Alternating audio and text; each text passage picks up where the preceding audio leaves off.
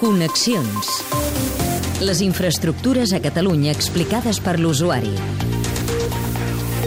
Amb Joan Garcia. Autobús autònom sense conductor, minibús elèctric amb capacitat per 12 viatgers, climatitzat i accessible per persones amb mobilitat reduïda. Prova pilot a 8 municipis, Sant Cugat, Terrassa, Sabadell, Girona, Reus, El Vendrell, Martorell i Vic.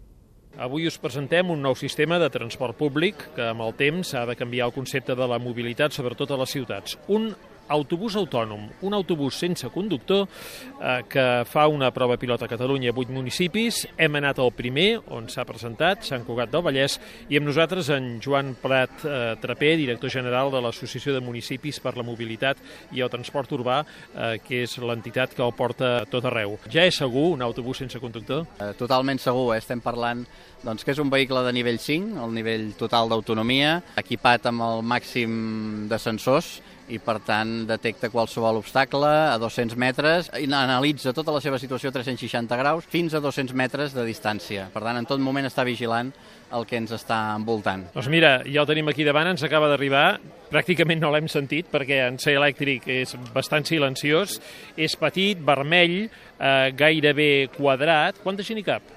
12. Són 6 persones assentades i 6 de dretes. Doncs vinga, pugem-hi? Ha, baixat una rampa, eh? Ara aquest soroll que hem, sí, que hem està, sentit. està baixant un cotxet. Eh? De fet, aquest vehicle està també preparadíssim per les persones amb mobilitat reduïda. Pugem-hi, ja veiem aquí els seients, tres a banda i banda. També té uns agafadors aquí dalt, com veieu. Tot i que la velocitat doncs, que correrem és d'aproximadament 10-12 km per hora. Hem de pensar el transport públic eh, amb normal, en ciutats estan circulant a 13 km per hora de mitjana, els autobusos que coneixem avui dia. Molt bé. Ara ja sona la campaneta per marxar i doncs sortim, iniciem el viatge. Estem circulant per la Rambla del Celler de Sant Cugat. Si ara passés una persona per aquí davant, què passaria? Doncs el vehicle en tot moment detectaria aquesta persona i frenaria. Ara mateix, perdona, veiem aquí una persona amb un gos que està davant de l'autobús. L'autobús ha minorat la velocitat i llavors reprèn la marxa automàticament a la que l'obstacle s'allunya. Aquí veiem un petit quadre de comandaments. És perquè en cas de que l'operador l'hagi de fer funcionar manualment. La legislació obliga que en els vehicles autònoms hi hagi una persona acompanyant. Eh? Ens situem potser doncs, a la primera experiència dels primers ascensors, doncs sempre hi havia una persona dintre per, per donar seguretat. I de fet estem fent una enquesta amb la Universitat de Barcelona que demanarà precisament això a la gent. Se sent més segur amb una persona a dintre que l'acompanyi o, o podria viatjar sol? El que podem fer ara és fer l'enquesta entre els usuaris que, que ens acompanyen en aquesta, en aquesta prova pilot. Aquesta senyora, per exemple, somrient, què li sembla l'experiència? Jo crec que sí, que, que dona molta tranquil·litat. És que a veure, avui en dia els molts vehicles ja tenen sensors, ja que comences a veure amb la seguretat de molts vehicles. Molt bé. Vostè ja hi va tranquil, en aquest autobús? Tranquil·líssim. Molt bé. Vostè què tal? Què li sembla l'experiència? Molt bé, encantada de la vida. De fet, tenia ganes de pujar-hi i, i no m'ha defraudat. Què li troba?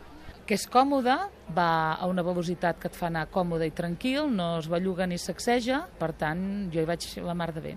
I dos conductors, què en farem? Sobretot hem d'entendre que, que no significaran els cotxes autònoms, almenys els autobusos autònoms, no significaran una pèrdua de llocs de treball, perquè pensem que, primer, per un tema legal, com dèiem, eh, hi haurà d'haver una persona dintre del vehicle, això per donar tranquil·litat en el passatge, però eh, llavors eh, també pensem que els conductors a dia d'avui, a part de conduir, han de fer moltes altres coses. Eh, fan de guies turístics, ajuden a pujar la gent gran, indiquen parades, doncs que creiem que alliberats de la part de conducció, els eh, conductors podran ser agents eh, ciutadans, diguem, que puguin assessorar aquest autobús té un nom, no? Li hem posat Èrica, corresponen a les inicials de E d'elèctric, R de revolucionari, la I d'intel·ligent, perquè és autònom i per tant és un vehicle intel·ligent, la C de compartit, perquè volem doncs, que aquests vehicles autònoms eh, que en un primer moment doncs, seran eh, llançadores o persones de vianants eh, per connectar estacions amb, amb barris doncs, on no hi tenim línies d'autobús regulars, siguin compartits. I l'A d'amable, eh, que és el que us explicava, doncs, per donar aquest caire de, de que és un, els conductors alliberats de la càrrega de conducció doncs, atendran millor l'usuari i per tant serà un vehicle més amable que els d'ara. Muntatge de so Salva Pou. Connexions. Disponible en podcast.